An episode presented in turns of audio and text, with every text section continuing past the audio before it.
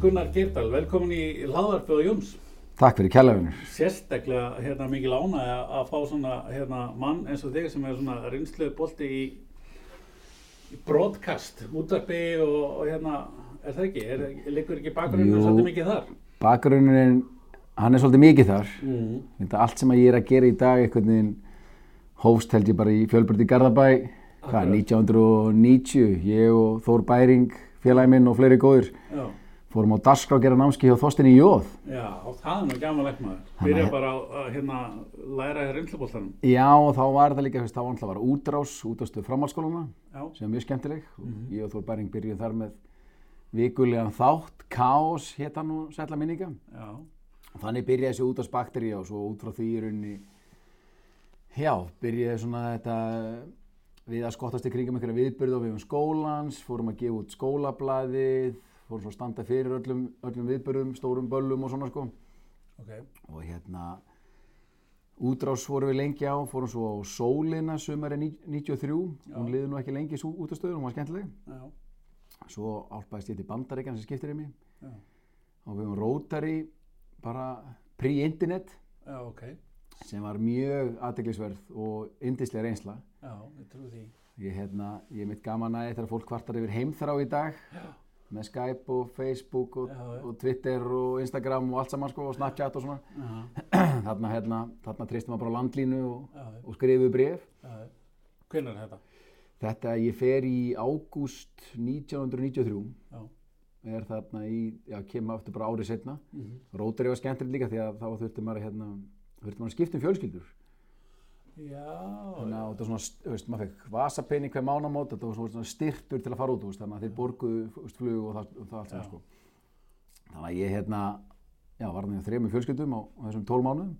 Sko, eitt sem ég ætla að spyrja það einmitt að því að ég upplif, sem ég upplefa sjálfur mikið að því ég fór 96 Já. svona út og það sem ég öfunda þeir sem er að fara núna út af samfélagsmiðlum og svo öll að halda sambandi við fólki sem varst hjá eða með eða kynntist Já. út af samfélagsmiðlum. Hefur þú náðu að gera það að þetta er prí... Ég hef aðeins, maður náttúrulega bara að finna slatt á Facebook Já, einmitt. og, og svona ein fjölskylda sem ég tengdist hvað mest og þau hafa nú komið hérna nú nokkur sinnum, Já, ég mist á vegum, hérna, á vegum mín eða hérna, og heimsækja mig og annað og svo bara hafa þau komið líka með bara hópum á Ok. sínum vegum. já. Þannig að hérna... bara datta í huga því að... Já, en í rauninni samt allt og lítið, Já, akkurat. þú veist, því miður. Já, einmitt. Því hérna, þetta var nú ómyndilega reynsla og það er náttúrulega, náttúrulega bráðum, bráðum 30 ár síðan ég var þarna sko, sem er alveg lílegt ef maður horfður tilbaka sko. já, Þannig að hérna, en svo, svo kom ég heim og hérna, og ég hérna er einn að fáum örgulega dagskrákjörumörðum á FM 957 sem getur státað því að hafa tekið nokkra vaktur á X-inu. já, Ég að Máni vilji viðkynna það. En ég, hérna, að ég tók nokkra vaktur á X-inu sem var þá bara í aðalstöðar húsnæðin í Östræti. Eða aðstæðinu líka og hérna, og hérna, og svo var ég á FM, byrjað þar 95, 94-5 og þá hérna, úst, þá byrjaði þessi útvarsbakterja svona fyrir ykkur alvöru sko, þú veist. Það hérna vinna það með ótrúlega skemmtilegum hópi af, af fólki, var þar í ykkur 5-6 ár, mhm, já og vini mínir sem ég vinn þar með, já, en endaði svo á Móno útastöðunni sem að Íslenska útvarsfélagið sett á lakirnar, var þar með Pálma Guðmundssoni vini mínir sem nú sjóastjóri á símanum Mm. Og það, hérna, það var skemmtileg tími, ég var í músíkinni þar fyrst og veist, dagskrá eitthvað og svo tók ég við sem dagskrárstjóri og, og svona í markasmálunum líka.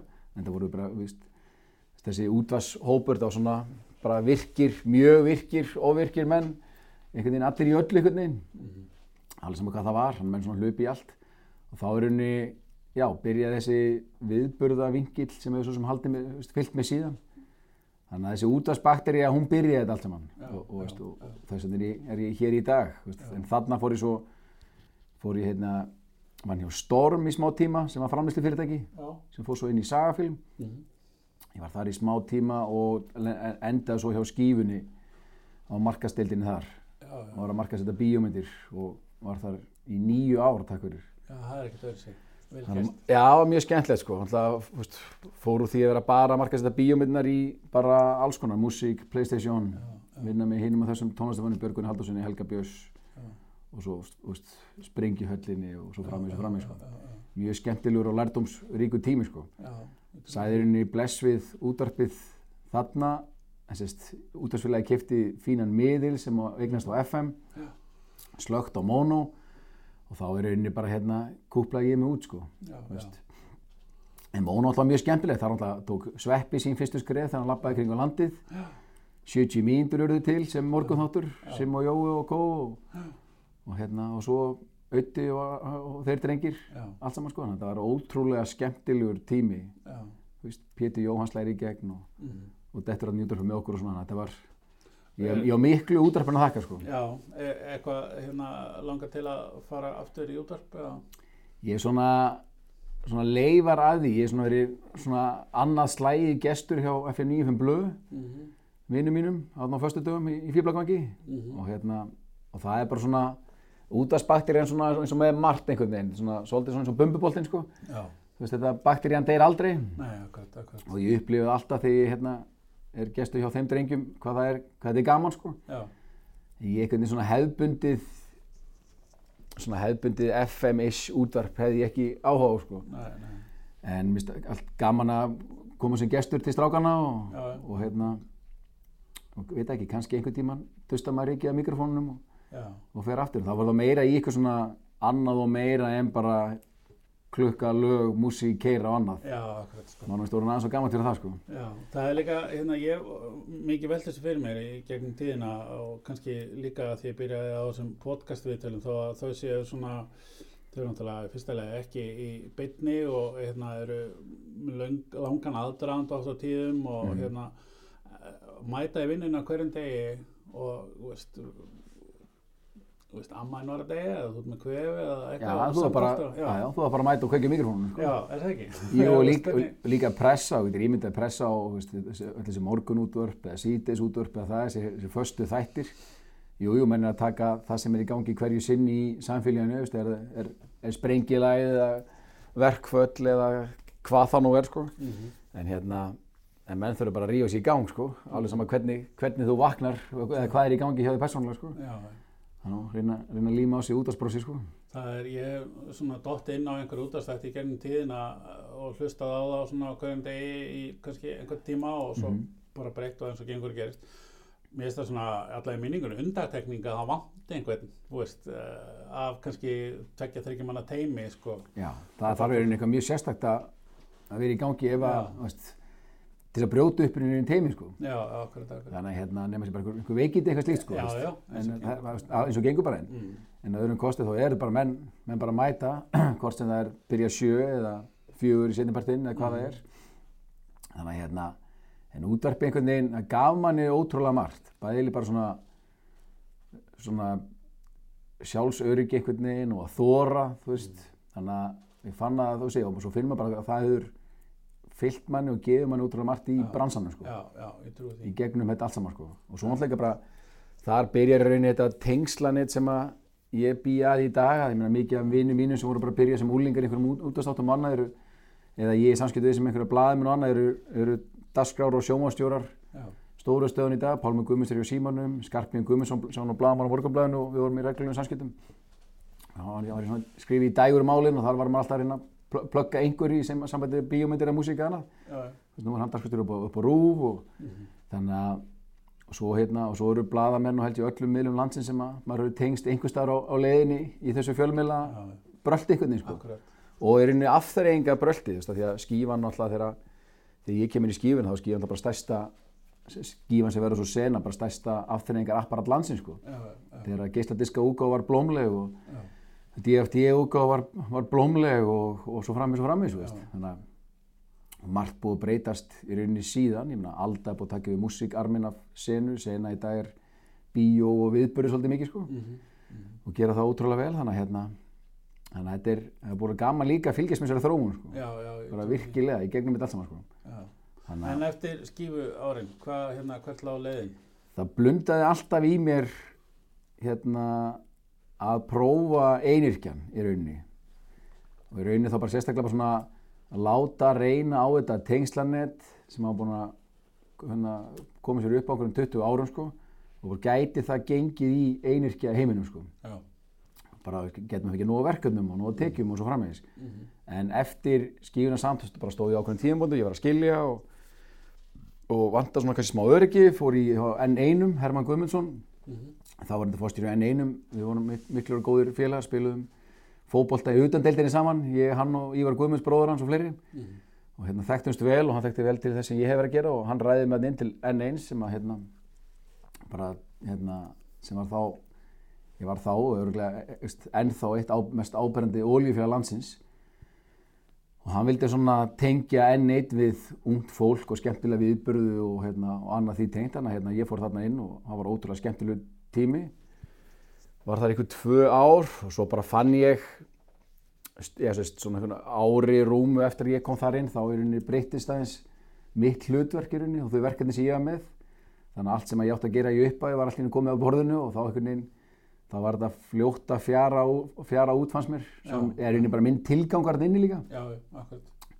maður búinn að, ef maður er búin að læra einhvað á þessum, þessum 25-30 árum hérna sem maður er búin að vera að þessu það það er líka gott að átta sig á, á takmörkun sínum og svo líka gott að átta sig á því hvar styrkleika manns líka sko. Og ef að ég finna að, þeir, að þeir eru ekki að nýtast þá fyrir oljufél annað þá bara hörðu þá er bara best að skilja leiði sko. en það var líka búin að blunda bara ótrúlega lengi í mér að láta reyna á Ísland, veist, Ísland er alltaf bara kennitala sem að ég er með búin að vera með síðan 2003 Mhm. stofnurinn bara svona utan um svona innan gæsalab eitthvað svona sérverkefni sem ég var reglulega að taka að mér Mhm. Eins og ég sá um, bara áður en ég fer inn í skífuna þá hérna réð myndformi inn í að sjá um markasetninguna á Lord of the Rings myndunum. Ok. sætla minning, það voru þrjú skemmtileg jól í röð. Já, Það bara hálf, veist, 90 til 100 ás mann sáu hverja mynd og Já. ótrúlega skemmtilegt verkefni og mikill aðdáðandi bókar náttúrulega já, þannig að svo var ég alls konar gátt Friends-spilið á sínu tíma. Já, já. seldi fullan gáma því einhver jólin. Og svona alltaf reglar í einhverjum, einhverjum verkefnum. Vinna mikið með ölgerinni og í alls konar svona viðbörðahaldi haldi einhver einhver stóra, sko, stór partí sko, hvort sem það var Bond partí í listastunni Reykjavíkur eða Smirnoff partí, partí í Saltfélaginu eða, og svo framvegis og framvegis. Þannig að, þannig að á þessum tímapunkti þarna þegar ég er að segja skil yfir enni þá er ég bara tók ég skrefið til fulls bara hörru, ég ætla bara að láta þetta reyna. Já, hopp út í djúbulegina, ekkert víst að, að það klikki, sjáum til. Og hér er ég, þú veist, átta árum setna, þetta er 2012 já, já, það er bara að vera ótrúlegur tími í rauninni síðan, sko já. Og hvað gerir þér svona fyrir þá sem ekki vita í stuttumáli Ísland? Íslandi, Íslandi er ég, sko, í grunninn einhver svona mantra sem að ég hef verið með þessi átta ár, það er svona aukin vitund með umfjöllun eins, eins hérna, hefðbundi og það hljóma samt sko, af því að í grunninn er þetta náttúrulega bara plugg, Mm -hmm.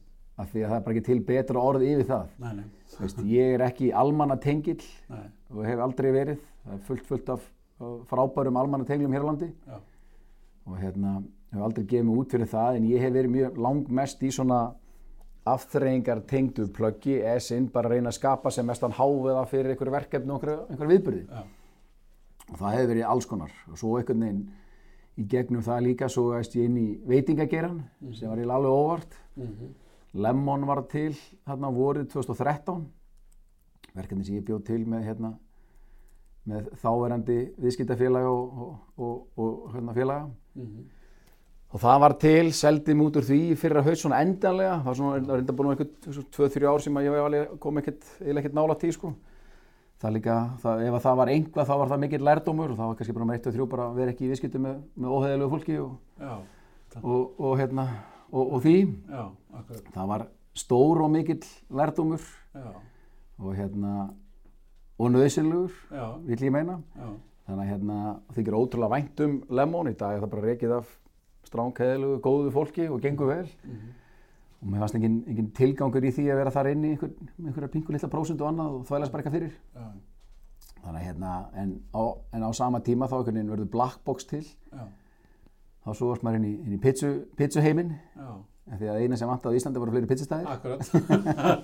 Og vorum við spurður að því bara byrju í alvörunni vantar pizzastæð á Íslandi? Já, og okkur fannst það veginn, þetta var svona pizza concept sem að dutt inn og, og ratar hjá mér, hvað, 2014 þetta var svona concept sem byrjaði 2012 í bandaríkjónum staðin eins og Blaze, eða Blaze Pizza sem að byrjuði þetta sem að Lebron James og fleiri hann fjárfest í sem eru svona, getur valið sjálfur úr borðinu fyrir fram að svona þessi fast food feelingur á pizzunni. Já, já, hafði í raun aldrei verið fram að því. Þannig að hérna og úr varð og við fórum sérst út og ég hef tvei félagi mínir hérna, sem að stopna þetta með mér. Ákvæmum að opna pizzastað í Borgatónu sem kannski ekki, ekki gefin staðsetning í, svona, í, í því fyrsta. Borgatónu er frábært en það, það er veist, hálf 5-5 þá tæmist borgatúnið Já, það sem hefur verið skemmtilegt fyrir okkur í þeim lærdómi að, og hérna í þessari þessu- pizzaferðalagi að, að það er miklu meira að gera á kvöldin í borgatúnu heldur en á, á, en hjá hátteginu já, það er svolítið. Já, bara búið með ólíkindi sko. Og Blackbox náttúrulega kom inn á markað með svona miklu látum og alveg eins og með Lemon á sínum tíma. Ég meina þegar, Lemon byrjaði þá vorum við með heldum við áhyrna pröfur fyrir sko hérna, starfsviðtöl einhver svona auditions, einhvern svona American Idol feeling sko. Já, og það komu, ég ekki hvað, það voru þrjú, eða hátt í 400 krakkar sem að koma og vildi sækja um vinnu hjá Lemon. Og það er einni áður en að Lemon opnaði og alveg eins og þegar áður en að Blackbox opnaði þá alltaf er mitt hlutverk inn í því mengi er að að skapa sem mesta eftirvæntingu. Já, fyrir einhverju sem að fólk er rauninni vissi ekkit hvað var sko, Nei, það var bara, bara það var svona einhver vissi svona aðeins að því að Lemon var svona í stíl við aðra juice og samlokustæði heiminum, veist, var það Jamba Juice eða the Juice eða hvað það var sko. Þess að það var ekki komið. Og hérna er rauninni var það mín já, mitt hlutverk bara því svo voru alls konar smakkparti en opnaði með hinum og þessum tónlistamönnum og svona þáverandi áhrifavöldum. Ára en að svo hálskefla byrjaði öll hérna, hérna heima sko. Þannig að hérna, að hinur og þessir hópar voru búin að þessi 1000-1500, kannski 2000 manns búin að smakka lemon áður en það opnaði. Já, og svo fóru alltaf svipa leið með, með Blackbox líka. Fengur hann að binna löf með inn í það verkefni. Hann er- kom inn í það 3-4 mánuðum áður við opnum og ég er bara sama þar, mitt, mitt tengslanett og, og svona háaða kraftur í bland við hans áhrifalda fylgjendanett það svona bjóð til þann háaða sko. þannig að það var ekki, ekki meiningin að fara inn í, út í veitingagerðan sko, alls ekki, Nei, maður bara einhvern veginn svona sogaðast inn í hana 2013 já, Lemon verður til sem var mikið æventyri og annað og svo hef ég bara verið að vinna fyrir hinn og þessi fyrirtæki í alls konar. Ég hef vunni fyrir mikið af bókaógefundum, já, ég hef vunni fyrir bæði þjóðleikus og borgarleikusið, ég hef vunni fyrir all, öll framleysli fyrirtæki landsins sko, er það, er það True North eða Sagafilm eða Pegasus eða Reykjavík Studios, vann með Balta, bæði, bæði svona í hans persónlegu péri og svo fyrir Reykjavík Studios og Djúpið sem Balti var að gera. Og mikið verið að vinna með íslenskri kveikmyndagerð alveg frá því ég byrjaði í þessu 2012 já, bara þú veist, á sínum tíma alltaf bara svartur á leik sem var hérna ótrúlega, gekk ótrúlega vel. Já, svona nýjustu, nýlegustu dæmin, þú veist, Víti í Vestmanni fyrir sagafilm, Láð mér að falla uh, Bergmál og Hvítu hvítu dagur í fyrra og svo framis og framis og sé náttúrulega núna, veist, og Ísland sérum í dag veist, all, allt kynningastarf fyrir sjónvarp Símans í rauninni alla innlendu framistina þar sem alla hérna hefur verið ótrúlega öflug. Já, ég er nú búin að vinna það núna í eitthvað eitt og hálft ár þannig að bara þessi, þessi sjónvarsýri eins og vennilegt fólk mhm, Trúnó með loga pappi skoðar heiminn með sveppa núna og svona. Og það er einu bara mitt hlutverk mjög einfalt alveg svo veist, það er einu bara fóðra fjölmiðlana á einhverju skemmtilegu sko, veist, í grunni vil ég bara líta á að þetta sé bara, þetta er bara hugmyndavinna. Já, af því að, af því að það er líka sem menn hafa upplegað, það er gott að vera með hvort sem það er Ísland eða einhver annar aðili sem er milliliður til fjölmiðlana mhm, af því að fjölmiðlar eru með bráð og öðrum fyrir corporate tengingu sko, alveg, alveg sama þó þið viti að mjög mikið af fréttum sem að leika sérska skinn og dægum alveg eru plögg innan gæslappa en þá þarf að fóðra það einhvern veginn. Já, og bara veist, dasgrárdeildir eða markáðsdeildir fyrirtækja veist, það bara er, er, fyrst alveg bara erfitt að ná í fólk og blaðamenn sérstaklega, þú veist, það getur eins eins og ég hérna, að við rættum árum við, árum, árum við ræstum og það þú veist, þú getur, það getur hver sem er fundið e-mail hjá öllum blaðamönnum. Já. það er bara inn á öllum heimasíðum, bara inn á Vísi, MBL, VAFB, skiptir engum mál hvað það er sko. Akkurat, og þú getur sendt hérna fréttilkynningu og ekkert mál og það fyrir bara neðst í einhvern frétta tilkynninga e-mail bunga sko. Ég get ekki ímyndið með hvað, bla, hvað blaðmið fá marga eða miðlefni fá marga posta á dag þegar allir reyna að koma ykkur á framfæri. Já, en hérna en ég einhvern veginn bara býja þannig neti að ég nægi fólk, hvort sem það er nei eða já Veistu, oft er oft gott bara ekki að fara að hafa svarið sko. já, akkurat, akkurat, Veist, ég verð ekkert sár eða, veist, Ísland verður ekkert eitthvað hörundsárt bara að þú vilt ekki fjalla um þetta, ekkert mál en bara mitt hlut er ekki bara að reyna að fóðra hugmyndina eða verkefnið eða viðbörðin eða frumsýninguna eða hvað það er bara þannig skemmtilega að, að blaðmærin vilji fjalla um það, finna einhvern vingil á já, bara veist, hér er eitthvað saga sem við viljum segja sko. já.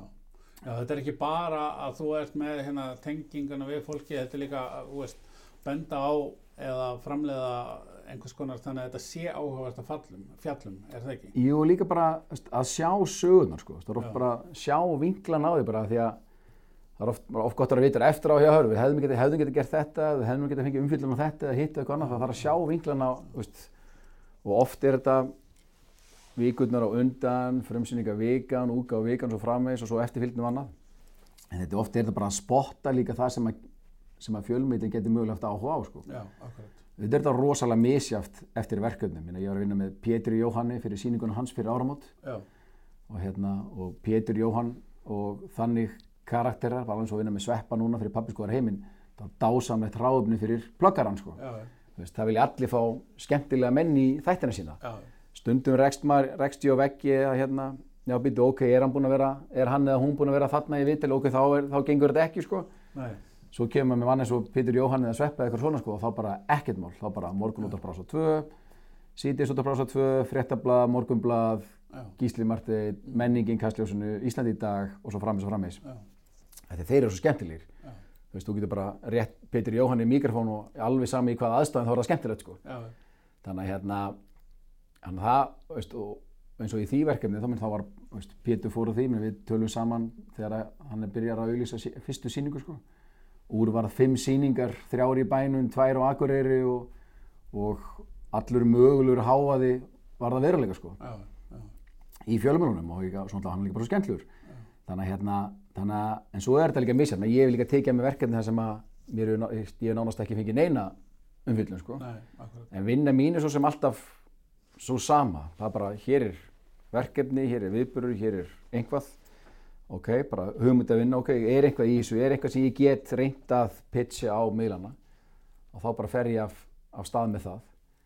Þannig að hérna, það gengur ekki alltaf eins og ég segi sko, það er ekkert það er engin lofur fyrir því að að vinna með mér og Íslandi að, að, þá séu garan einhver, einhver örug umfjöllin í því.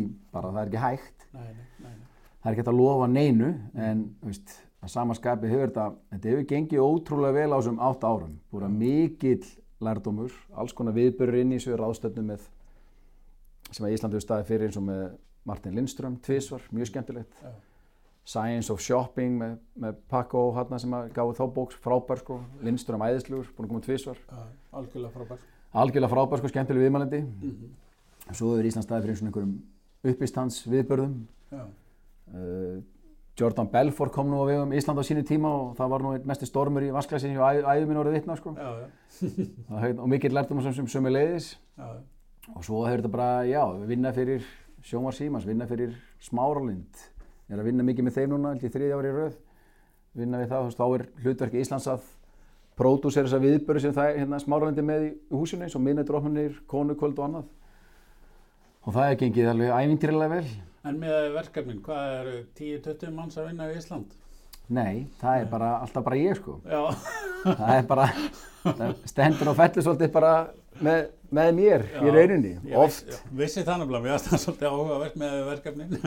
já það er verkefnin og svo er stór, stór fjölskylda með ný, til til að nýfættan sjömána gæjar sko, með fjögur börn og svo er ég í námi og, og það svona vissulega myndi ég oft óska þess að það veri fleiri tímar í sólarhinnum, öruglega eins og fleiri. Og þetta er svona ákveðið ákveðið jögl á milli, milli verkefna. En ég líka, mér hefur tekið staða bara að vinna fyrir fáa öfluga aðila já, sem að er mikill kostur.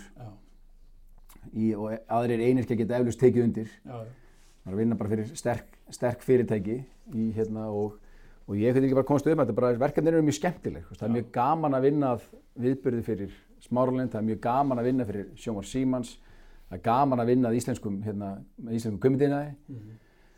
myndirna mi- ganga misvel eins og alltaf. Já, bara eins og kvikmynda svo búin að, búin að breyta svolítið en Mhm. að samanskapi þetta hefur, hefur gengið upp en oft er þetta mikil keisla. Ég get alveg viðkjönd það.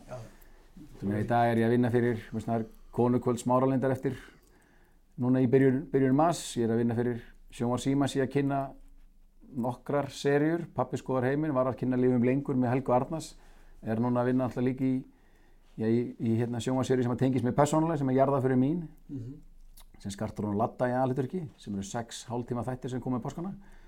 Og svo er ég að vinna með hérna, Erlu Björns sem er með betra svefn og ráðstefnan í haust með Matthew Walker sem, að, hérna, sem er ótrúlega spennandi verkefni. Já, og líka hérna, ég var fyrir algjöri upplöfun eins og held ég flestir sem að lesa Why We Sleep bókina hans.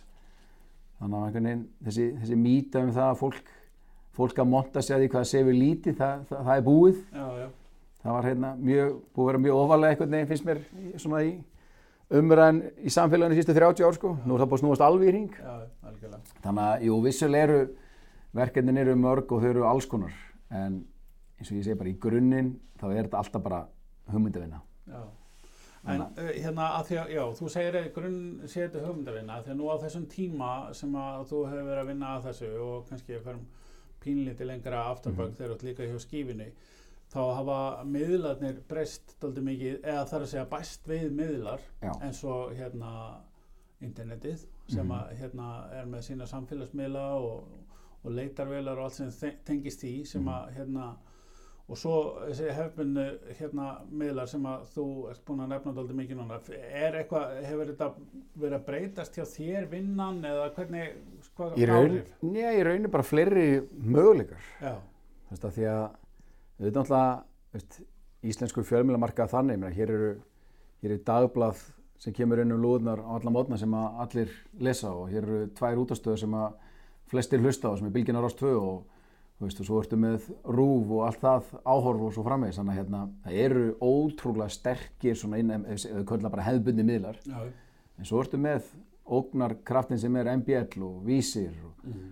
og en svo náttúrulega núna hefst við erum hér í, í hlaðvarpi og það er nú engin, engin smá engin smá aukning í því. Já, já, þannig að hérna og það er unni bara eins og ég horfa á þetta í, í íslenskum heimi þá er þetta bara fleiri möguleikar til þess að búa til þennan háaða sko, Akkurat, til þess að koma verkefnum á framfæri. Því hérna, bara svo ég meina við nefnum aftur dæmir Snorri Björns podcastið, ótrúlega vinsælt þarf, þarf alltaf að vera grín. Veist, það eru líka hérna sem er mjög skemmtilegt, ég meina Snorri hefur talað við einhverja hérna, einhverja tvo-þrjá viðmældu sem ég er bara bent honum á.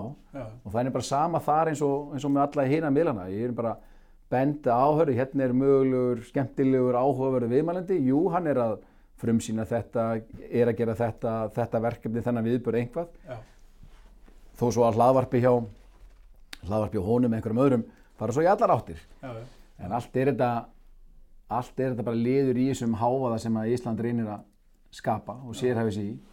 Það, hérna, það er einhvern ekkert margi sem hafa verið í þessu svona þessu erki típiska pluggi, ef svo má segja sko. og ég hef aldrei bara fundið neitt, annað orðið en plugg nei, nei, mann hefur einhvern veginn menn átt einhvern veginn feimnir við það sko, eins og það er svona, að það er ekki eins fínt og almanna tengill eða kynningastarf og fleira, fyrir mér er þetta bara, bara plugg, þetta er bara háaði Þú veist, hér vil ég bara reyna að koma þessu á framfæri og sem flestir viti, heyri, sjáu.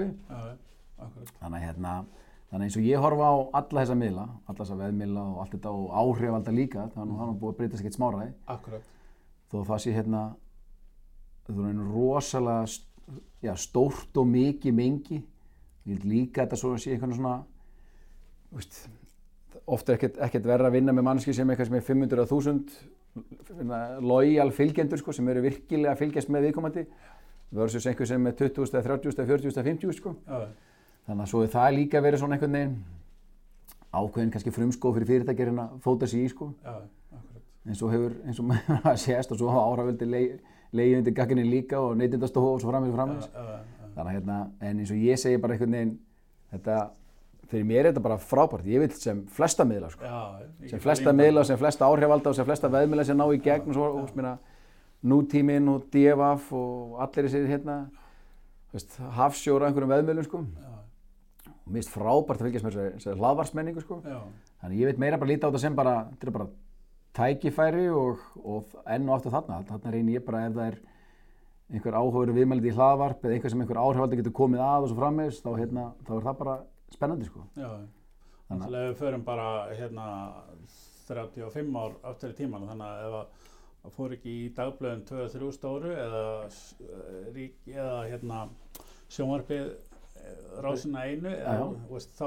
þá, bara, var þetta bara stopp þannig að núna er náttúrulega miklu fyrir möguleikar Já og líka sem er frábært einhvern veginn, þú veist, að því að, að því að minna frumsýtti bíómið fyrir 30 ára síðan, þú bara, meðan fór í kastljósi kvöldið áður og svo kom bara 50 manns í bíó, þú veist. mm. Nú að breytast heila ósköp, sko. Já, Þannig að hérna, þá er ég einhvern veginn, fyrir mér bara einhvern veginn bara meira úrval af áhugaverðum fjölmjölum til þess að reyna hérna fóðra efni í. já, Þannig að það er einhvern veginn, bara svo ég hef sagt við alla, alla, alla mína kuna eða alla þeim þeim pitchfundi sem ég hef farið á og flera. Ofta er bara gott líka vera með millilinn, vera með hennan þriðja líka, bara hjálpar að ná einhver í, í gegn sko. Það er bara, þú veist, ég ég kem inn í sjónvar Símans fyrir einu og hálf ári síðan og það bara, þú veist, markast til þar á bara erfitt, þetta er bara erfitt, erfiðara með að ná á einhverja miðla sko og reyna að búa til einhvern háa sko og alveg svona hvort það þeir eða eitthvað, eða, hérna, eða eitthvað annað fyrirtæki sko. Þannig að þá er kannski bara sterkar að, að ráða þriði aðeila inn í verkefnið og bara búið til milliliðin já, sem að nær kannski til eyrna fjölmjöluna. Alveg sem að hvort það svari sé nei svo við umfylgjarnið ekki sko. Þannig að, nei, ég bara, ég fagna þessi, sem flesta miðla, sem flesta áhrifald og allt saman sko. Bara fylgjast með þróun og, og hvað er, já, reyna að vera með puttan á púlsunum í því hvað er að virka hverju sinni sko. En auðvitað er ennþá ótrúlega slagkraftur í þessum hefðbundnu miðlum. Já, já, það er, eftir, er eftir, svona verðt að komast í frettablaði eða í Algjörlega. umfyllin í Íslandi í dag eða Kastljós eða hvað það er þú veist. En þetta er bara búið að breyta svolítið mikið sko. Já, já, náttúrulega mesti miskilningurinn er að einhverju miðla sér konur staðinn fyrir hérna, sko. Já, þetta bara stækka bara mengið þú veist. Algjörlega. Fólk- markó búist hann á í og svo framvis? Já, sem menn sér líka alltaf vandrar sem það hvað, hvernig hann er í ungt fólk sko, því ungt fólk hlustar ekki á hefðbundið útvarp, það er bara Spotify og YouTube og svo er þau bara á, í símanum sínum og allt það sko, en, en, veist, en það er bara ákveðna kunst í því líka sko, Já. að lesa í það. Já, algjörlega. Hópur sem að lesa ekki í dagblöð og horfur ekki á fréttir sko, Nei, nei. eða, lí, línulega daskar sko. Hvað segir mér hérna með eh, svona, hefur eitthvað verið að spreita þig á verkefnum út fyrir landsteinana eða bara Nei. láta þetta döga? Ég er bara látið litla Ísland duga. Já, Ég er svo sem verið í samskjöndi við fólk hérna ellendis í gegnum mikið sem bíómyndum manna sem að, já, veist, þannig að hérna, nei, ég hef bara verið hérna með verkefni hérna innanlands en, en svo alltaf bara þú veist, uppistand erlendir sem aðalega sem hafa komið hingað til lands og við mín, ráðstöfnur, mér finnst það skemmtilegi viðbyrður oft, já, mjög gaman að vinna þeim. Og það er inni bara senan alltaf búin að taka svolítið yfir hennar uppistandsmarkað og gera ótrúlega vel. Mikið af erlendum uppistandurum að koma og náttúrulega ótrúlega vakningi í þeim heimi líka sem að held ég Ari og fleiri, Ari Eldjörn og Kó hérna, þeim að þakka. Mhm. og svo hérna en mér finnst það ráðstöfnur oft mjög skemmtilegar, margir áhugaveri sem væri gaman að fá til landsins. Já, og það finnir bara svona ofvirkninni mér var til þess til dæmis að, að Matthew Walker, ég var búin að lesa ykkur 30-40 blæsir í bókinni. Það eru býtu, það er bara hérna er einhver sem að landin þyrft að heyra og það er mikil sveppvakning hér á landi. Söfnvakning, þetta er gott orð. já, það er bara einhvern veginn, já, sveppvakning, já, nákvæmlega bara þú segir það. Þannig að hérna og bara, þú veist, klukkutíma setna var ég komin í beint samband við, hann og hans fólk og, Já, og, veist, og, hérna, og tengdi mig svo við Erlu Björns sem er andlit sveps á Íslandi svolítið, búin að vera helsti sérfræðingur þar. Þannig að hérna og hann er að koma núna í oktober sem er frábært. Þannig að nei, ég mest hafa þetta verið innlend verkefni. Alveg frá því Ísland byrjar 2012 sko þannig að hérna En það líka verið nóg á könnunni, þannig að það er kannski áþörfa. já, já, veist, og svo veist, ég einu, einu sinni hérna var ég með svona, svona lærling, svona intern hana, sem að var frábært, þú veist. En einhvern veginn er alltaf bara reynt að láta ganga upp bara á mér einum. Þó vissulega það hefur oft verið mikil keisla. Já, en hérna og verkefnin náttúrulega bara eru þeir eru líka bara alls konar. Já, þú veist, fólk er oft og ég hef oft oft svona reynt eða svona vandræðum pínu að skilgreina Ísland sko. Mhm, að því að byrja já, byrja þú ert að sjá einn um viðbyrðu fyrir smárund þá sé ég um bara viðbyrðin frá Atilu mhm, þeim finnst voða þægilegt bara það kemur bara einn reikningu frá Ísland og þau þurfa bara að vera í samskipti við mig, ekki alla hinna sem koma að þessu sko, pródúseringunni, listamenninir og fleira sko. Já, og svo er ég að sjá um kynningamál fyrir innlenda framlýslu hjá Sjónvarpi Símans. Mhm, svo er ég að standa fyrir ráðstöðunni í haust með Matthew Walker. Mhm, og svo frammeins og svo frammeins og frammeins þannig að eins og ég segi við alla, bara, þetta er bara hugmyndaafl í rauninni. Bara hér er verkefni, útgáfa, viðburður, einhvað oft bara gott að fá utan á komandi augu á það. Því hérna, þessu ónlega ég, ég hef unni fyrir hérna, ég hef verið að unni fyrir Rúf og ég hef unni fyrir Stöð 2 og unni fyrir Skjá 1 sín tíma og svo, og svo frammeir þannig að hérna þetta er líka bara veist, bæði leikus og fleira. Þetta er alltaf bara, ég sess bara niður og bara ok, þetta er bara hugmynduvinna hvort sem það er eitthvað viðbörðu sem þarf að halda og eða eitthvað verkefni sem þarf að koma á framfæri sko. Eða tónleikar eða tónlistráti ég, ég, er ég er að vinna minni nýjundu þjóðáttíð í röð. Takk fyrir. Já, er sem að, veist, sem að Ölgerðin verkefni sem Ölgerðin ræði mig í Ölgerðin alltaf svo mikla og góða samstarfi við þjóðatjánemnd búin að vera í ykkur 12-13 ár. Og fyrir, veist, þetta er nýjunda hátíðin fyrir rúm 8 ára síðan þá hérna kem ég inn í það verkefni og það er bara mitt hluti bara að vekja aðtikli á, á daskra á þjóðatjar og inn í þeirri hugmyndavinnu sko. Já, hver, hver er með lægið og þess er að spila og hinn er að spila og svo bara í hugmyndavinnu með vörumerkjastjóra túborg hverju sinni og svo í samskiptu við þjóðatjarnemnd sko. Já, já, sem er, sem er mjög skemmtilegt, fórum minni fyrstu þjóðatíð 1994 er mitt bara, var búin að heim í viku eftir ári, ári í Ameríku, já, endaði svo í Herjálsdal, fór svo hvað, fyr- 95 og 7 og svo fór ég ekki lengi vel, ykkur 12-13 ár og, og svo er ég búin að vera tíður gestur síðan í þessu Já. skemmtilega verkefni sko. já, Þannig að hérna, að verkefnin hafa verið, já, alls konar, og þetta er einirkja brölt, því auðvitað, auðvitað er þetta hark, þú veist, Já, já. þekkja það held ég allir einirkjar. já, já, algjörlega. Þannig að hérna, en ég hef verið hérna heppinn með samstarfsala mína og þau fyrirtæki sem ég hef verið að vinna fyrir, þau að einhvern veginn eftir, eftir að þau að að öll einhvern veginn dotti í áskrifta því að vinna með mér í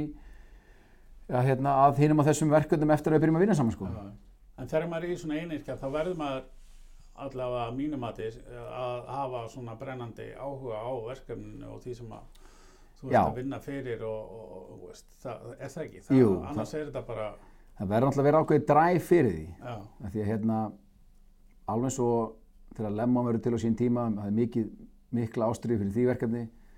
Uh, Blackbox var ég að vera með í maganum í, veist, í fjögur ára og það opnaði og stóð mig mjög næri og stendur mig mjög næri og hérna, þannig að verður að vera ákveðið dræf fyrir því. akkurat. Þú veist, jú, jú, auðvitað hef, hef ég tekið með verkefni gennum tíðinni sem kannski hef, maður er ekkert alveg hérna, fyrir og flammi hérna, Nei, nei. en að sama skapi veist, mér, mér þykja kynningamál ótrúlega skemmtileg verkefnin fjölbreytt og hérna alveg saman hvort það séu viðbörðahaldið eða kynningamálin eða hvað það er sko Mm.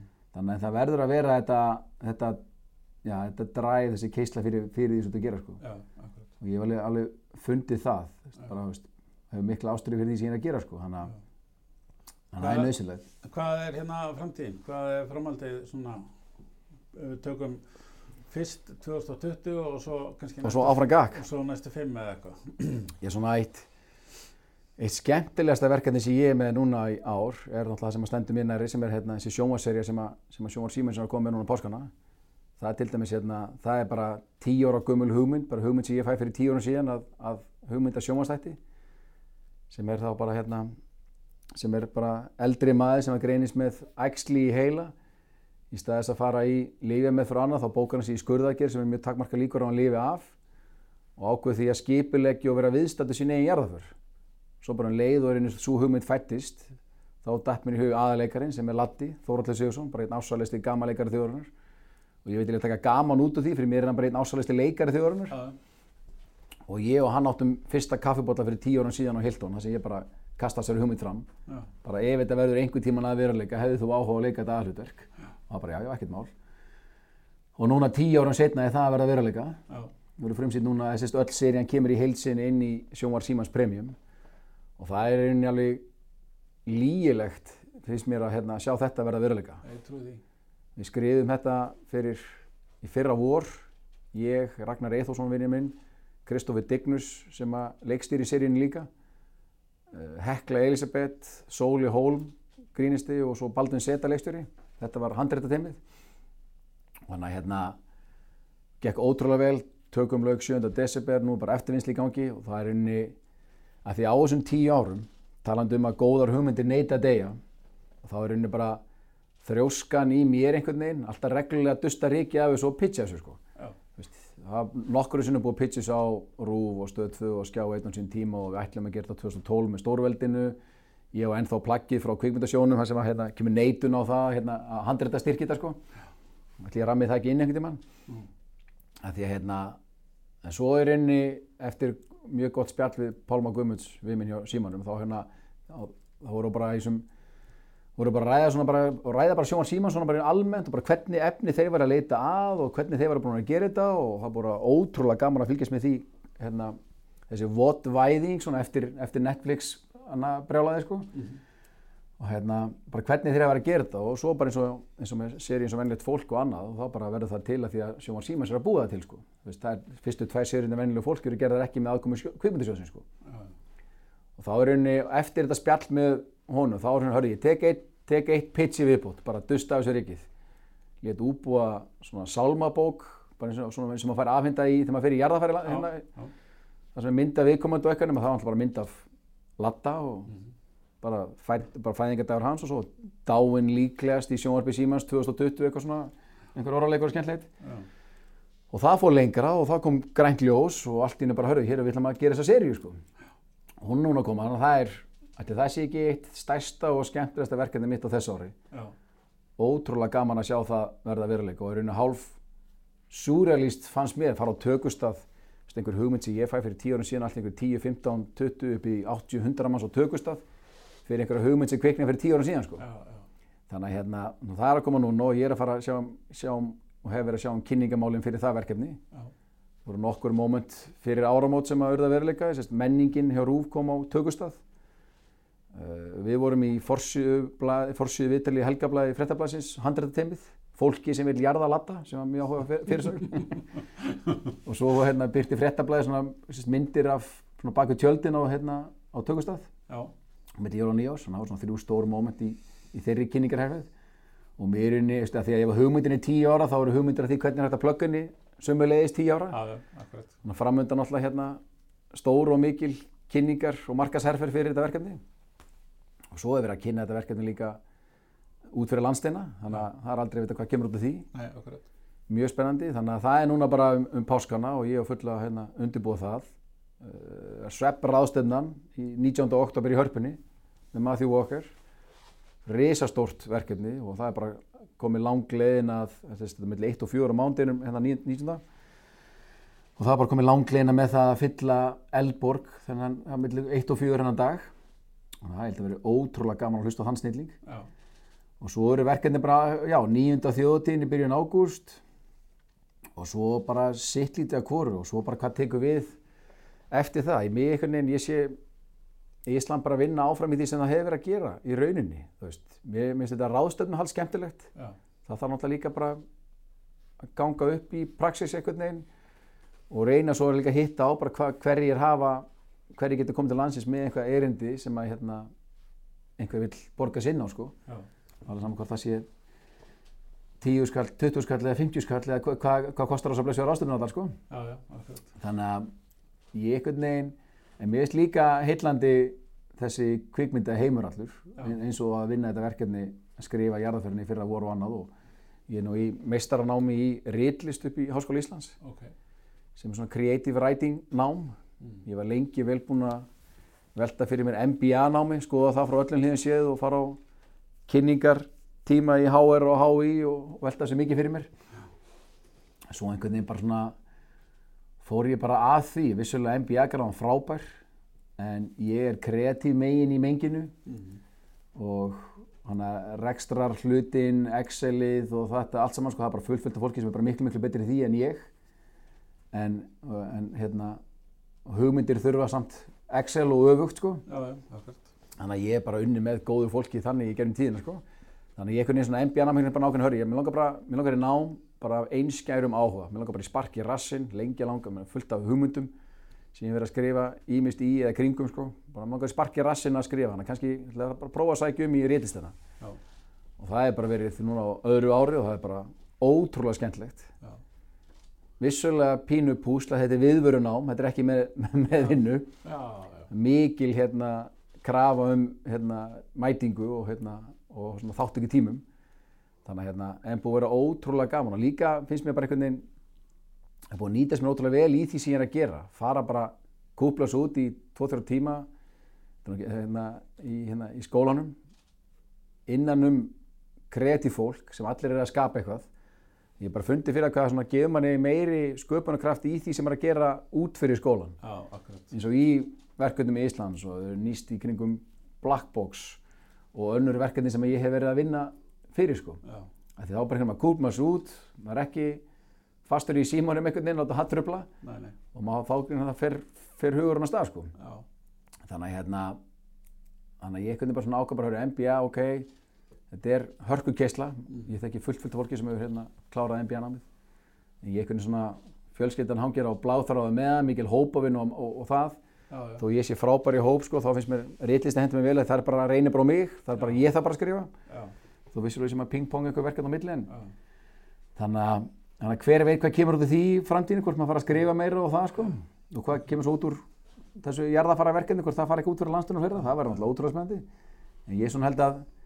Íslandið haldi bara áfram í óbreyttri mynd en þó, já, með ángana í alls konar eins og þetta hefur bara henni svolítið verið sko. Já, já, þetta er búið að vera, já, þetta er búið að sé áttunda ári núna í þessu einirkjabralti veitingasta lærdómur stór og mikill já, takk fyrir, svo veit maður heldur ekkert hvert, hvert það fer, Blackbox náttúrulega núna bara nýlega orðið tveggjára Já. og opnum hann í Borgotunum fyrir tveimur ára síðan og opnum í Mósesbænum fyrir árið síðan sömulegis mikill lærdómur. Og hérna og svo veit maður að því að það eru stækkunar huglegingar þar líka Já. og þá hérna og þá er henni, í dag er bara partneri minn Viggo Vigfússon hérna, sem er algjör snillingur, hann er frangotastjóri þess apparats og í dag er Blackbox bara eitt af verkefnum Íslands í rauninni já, Þannig að ég er inni núna strax í upphæði nýs ás, heldi mér að fullum krafti aftur í, í íslensk verkefni. mhm, Þannig að hérna sem er ótrúlega spennandi aftur að því að síðustu tvö ári er Blackbox búin að taka svolítið stóran hluta af mínum tíma. já, Þannig að hérna, þannig að 2020 og áfram, maður bara einhvern veginn, já, sé fram bara á bjartari tíma í þessu sko, já, Og já, þetta er spennandi líka bara því að maður finnur líka fyrir bara stór fyrirtæki og annað einhvern veginn alveg sem að hvað eru að gera það bara einhvern veginn opnar á að fá aðstofna þú veist, Já, að því að auðlýsingastofu landsins bjóða fæstar ef einhverjar upp á plugg innan geslappa þú veist, þeir búa til verkefnið, herrferðina, það sem er sko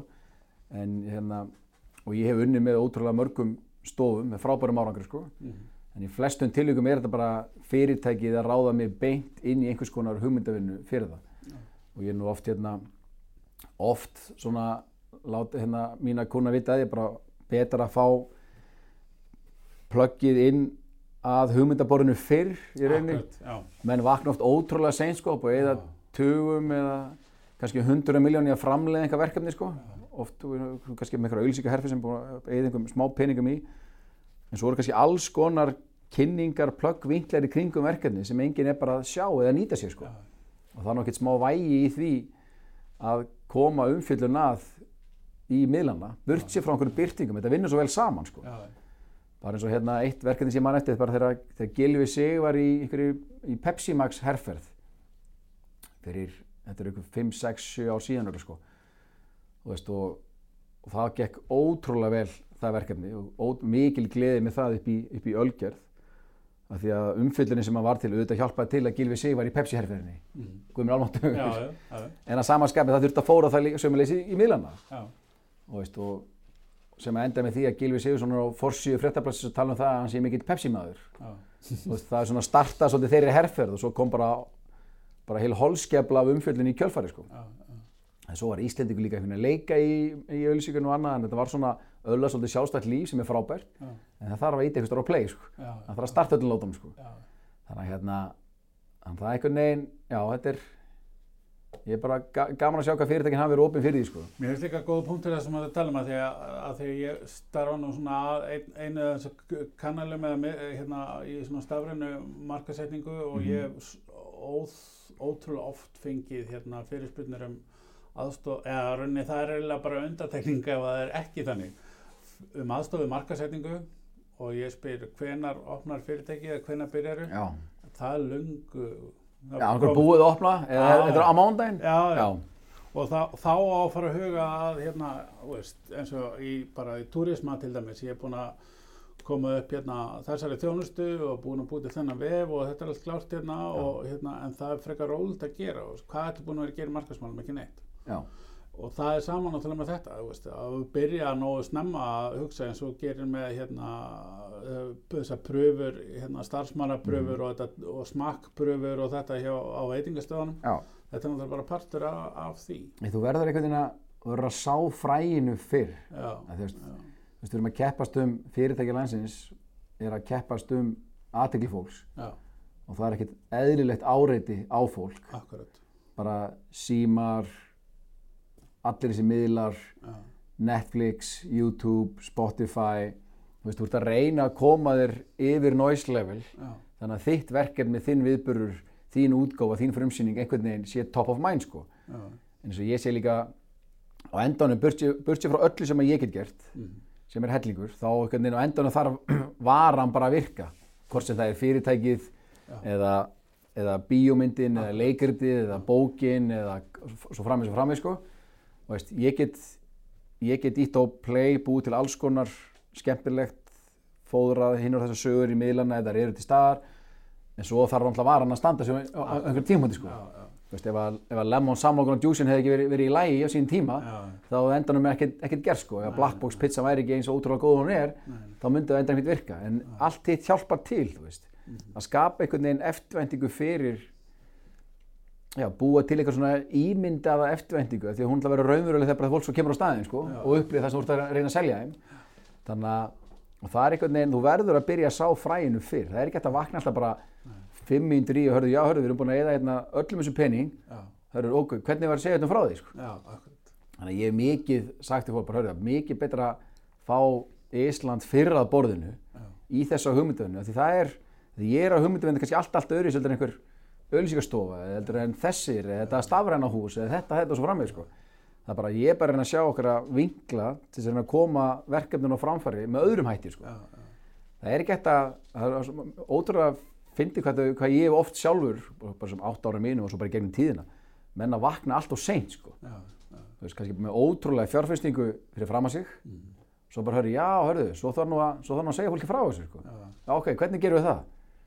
Þannig að mér svona einhvern veginn og að heyra að, að þú sért upplýta líka og ég held að sé Já, ótrúlega margi sem að að- þetta einhvern veginn í sinni vinnuhöfni. maður horfður að tala um svona kannski áður þá var eins- eins og ferli með hambúrgarafabrikun á sínum tíma sko. Til dæmis það, sko, þú sér það það. bara borleikandi dæmi sko. Já, bara frábært dæmi. Og ég minna, veist, og sé, þegar við opnum Lemon 2013, ég meina, svo vinna byrjaði þarna haustið 2012, veist, og þá voru við í rauninni að vinna með svona innan gæsalappa áhrif að valda markasetningu að við bara, fengum bara fullt, fullt af háværu fólki til að koma að smakka vöruna okkar og segja svo frá því, sko. já, Þannig að hérna, þú verður bara einhvern veginn að sá þessu fræði fyrir. Fabrika er náttúrulega bara frábært dæmi, þú veist. já, Þetta hjálpa til að vera með sex sjónastætti á stöðu 2 já, og prime, já, á primetime, sko. já, já. En að sama skapið, það var bara ótrúlega vel en gert, sko. það gerði helst, gerðist heldur ekki sjálfu sér sko engan Nei, veginn, sko. það, það er það sem að fólk já, þetta er auðvitað ekkert mál, þeir eru með sjónastæðin já, en það þarf að gera sjónastæðin Já, það þarf að, já, það þarf einhver að búa þá hugmynd til, sko, Já, sem, þeir, já. sem þeir gera, sko. já,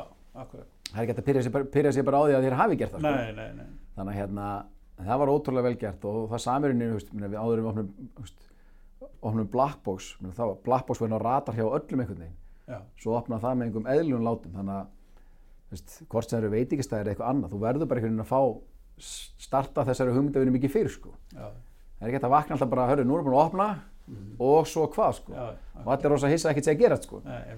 Þannig að hérna, þetta er búið að vera ótrúlega skemmtilegur, krefjandi, lærdómsríkur tími þessi átta ári í einirkjana, sko. já, En alltaf hérna, og það handla bara þessi síðustu 25, næstum 30 ár sem að búa það til. Meina, við byrjum hérna 16 ára gamlir í útvarpinu og þannig, þannig byrjaði þetta ferðalag. Er hérna, erum við að sjá fram á það að hérna fjölmiðla maðurinn og veitingamadurinn, pluggarinn, Jón Gunnar Geirdal er að fara eftir einhver x ára að flytja út í sveit og, og hérna naga strá og vera rítthundur bara með romantíkina í Vákvæmdur hljómaði vel maður. ég hérna, við erum eftir rætt þetta ég og kona mín sko. Við hérna, hún, er nú frá, hún er frá Þórsöfn og Langanesi, ok, takk fyrir kella, indislu staður. Algjörlega. Á hjara veraldar. já, Ótrúlega gaman að ke keira svo Langanesi, eitt að fara á Þórsöfn, svo erum við búin að fara á, lengst út á Langanesi sko. Þannig að hérna, mér veist alveg ákveðin rómantík í því að á einhverjum tímapunkti með öll þessi börn mín þegar þau eru nú kannski hérna orðin aðeins eldri sjö mánuða gaur, fimm mánuða gaur og svo tvo úlinga að hérna því ég geti raunin unni mína vinnu hvar sem er. Já, akkurat. Veist, ég er með hérna base núna og er vinnustofu Kjarvals sem er Já. frábært. Já, af því að ég er að vinna það verkefni með þeim hjónum. Já, en hérna, en ég geti verið bara svo ég er bara verið svona wifi eldandi kaffihúsa. Já, svona típan í rauninni svona einirkinu örgla sko eins og fleiri. Já, því ég geti rauninni unnið með, með gott nekit í unni hvar sem er sko. Já, já. Það er alveg málið, sko. þú veist alltaf ég er svona markvist í því að reyna að minka háan í lífið mínu Já, eins hávært og það getur verið. Líf og fjör á heimilinu með mikið börnum og, Já. og og, ég er markvist að reyna að minka samt þetta að því veist, Íslandíkur er að kapna stressi sko. Já, svo erum við, svo erum við geggja mikið að drífa okkur að slaka á alltaf finnst það aðeinslega líka svona, svona mjög þvinga umhverju ástandlækinu Við komum með hérna slökunar app í síman sem að hérna er bara slökun í mínúti svo við getum gert það nógu rætt og klára það. akkurat, akkurat Kannastu það? En ég, hérna, ég get alveg séð það í hyllingum að búa einhvers þar Já, út á landi einhver róleitum. Ég, einmitt, hérna, ég upplýði það fyrir í vettur, það var svolítið magnað. Ég fór, í, ég fór einn í frí. já, Ég bara, ég, fyrst alveg man ég ekki eftir hvernig ég var einn síðast. Sko. nei, Þú veist, dóttir mín, elsta bæti mitt er 16 ára. já, Þannig að þetta bara, hérna, maður að bara vera í því hlutverki, bara föðu hlutverkjunni allan þann tíma. Þannig að, hérna, þannig að ég fór fyrir í vettur með að búið að koma á Hótel Egilsen á Stikisólmi. já, bara svona rampað inn á hvern, voru auðlýs á Facebook eitthvað, svona tvisvar á ári, tvisvar þessar ári, bjóða þeir rítöndum verðandi, upprennandi skáldum að koma og gista hjá sér sko. já, Æðislegt hótel og ég hvernig bara sótti bara um, svo bara kom, hérna, kom bara jákvætt, frábært þeirra, þú getur bara komin, komið til okkar, það myndast þér svona gluggi, kona mín var að fara norðu með sín okkar tvo litlu, hérna, mín fyrirhandi var með eldri börnin okkur, hann bara svona, wow, það geti actually bara myndast þér nokkur dagar, því ég get actually verið einn. Þannig ég fór einn í sex daga til Stykkishólms og það var, og í kjölfarið að því frí, ég er en gæsla, ég var bara að skrifa og vinna og mikið, sjálf, sem hérna, það líka. En í kjölfarið því þá tók ég svona lofar á sjálfum mér. Þetta ætla ég að gera einu á ári. já, Bara hvort sem það er vika eða löng helgi eða eitthvað, ég ætla bara taka nokkra daga og kúpla mút og, og hann búin að hvetja konum til að gera slíkt í saman, sko, bara því að maður hafði ótrúlega gott að því. já, Stykkishólm er indisluðu bær, já, alveg eitt fallegasta, ef ekki fallegasta bæjastæða landsins.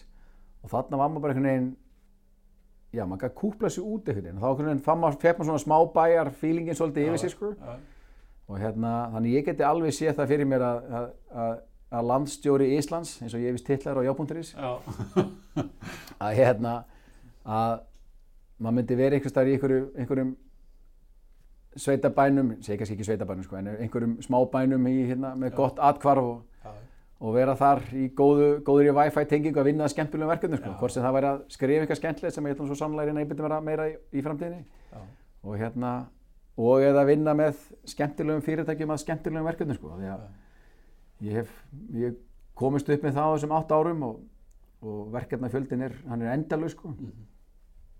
og vinna, hvort sem það er að vinna með þessi vinna með símfjölugunum og, og þeirri þróun sem er í gangi þar eða ölgerð eða hvað það er sko, það er svona margt, margt spennandi einhvern veginn að ég get unnið það hvar sem er að naga einhver strá í okkur smábæi í framtíðinni hljómar, hljómar askoti vel úr sko. þannig ég, hérna, ég er mjög ánægð með þetta sko. þetta er, já, að því að maður er, maður er búin að velta þessu fyrir sér sko. Gott að heyra. Hérna, fyrir þá sem að hafa áhuga, Ísland með Ufsilóni Ísland með slóni, já, og þar er hérna hægt að nánari upplýsingar ef, að, hérna, ef, þú átt einhver tíma fyrir fleiri verkefni. já, já, já bara ég, ég hlusta á allt og á alla og tek, tek fleiri ver verkefnum og fyrirspönnum fagnandi sko, bara þannig að fólk getur fundið mig bara inn á island.is, Ísland með slóni Já, frábært. E, takk kærlega fyrir þetta spjall og takk fyrir að koma. Takk sem leysum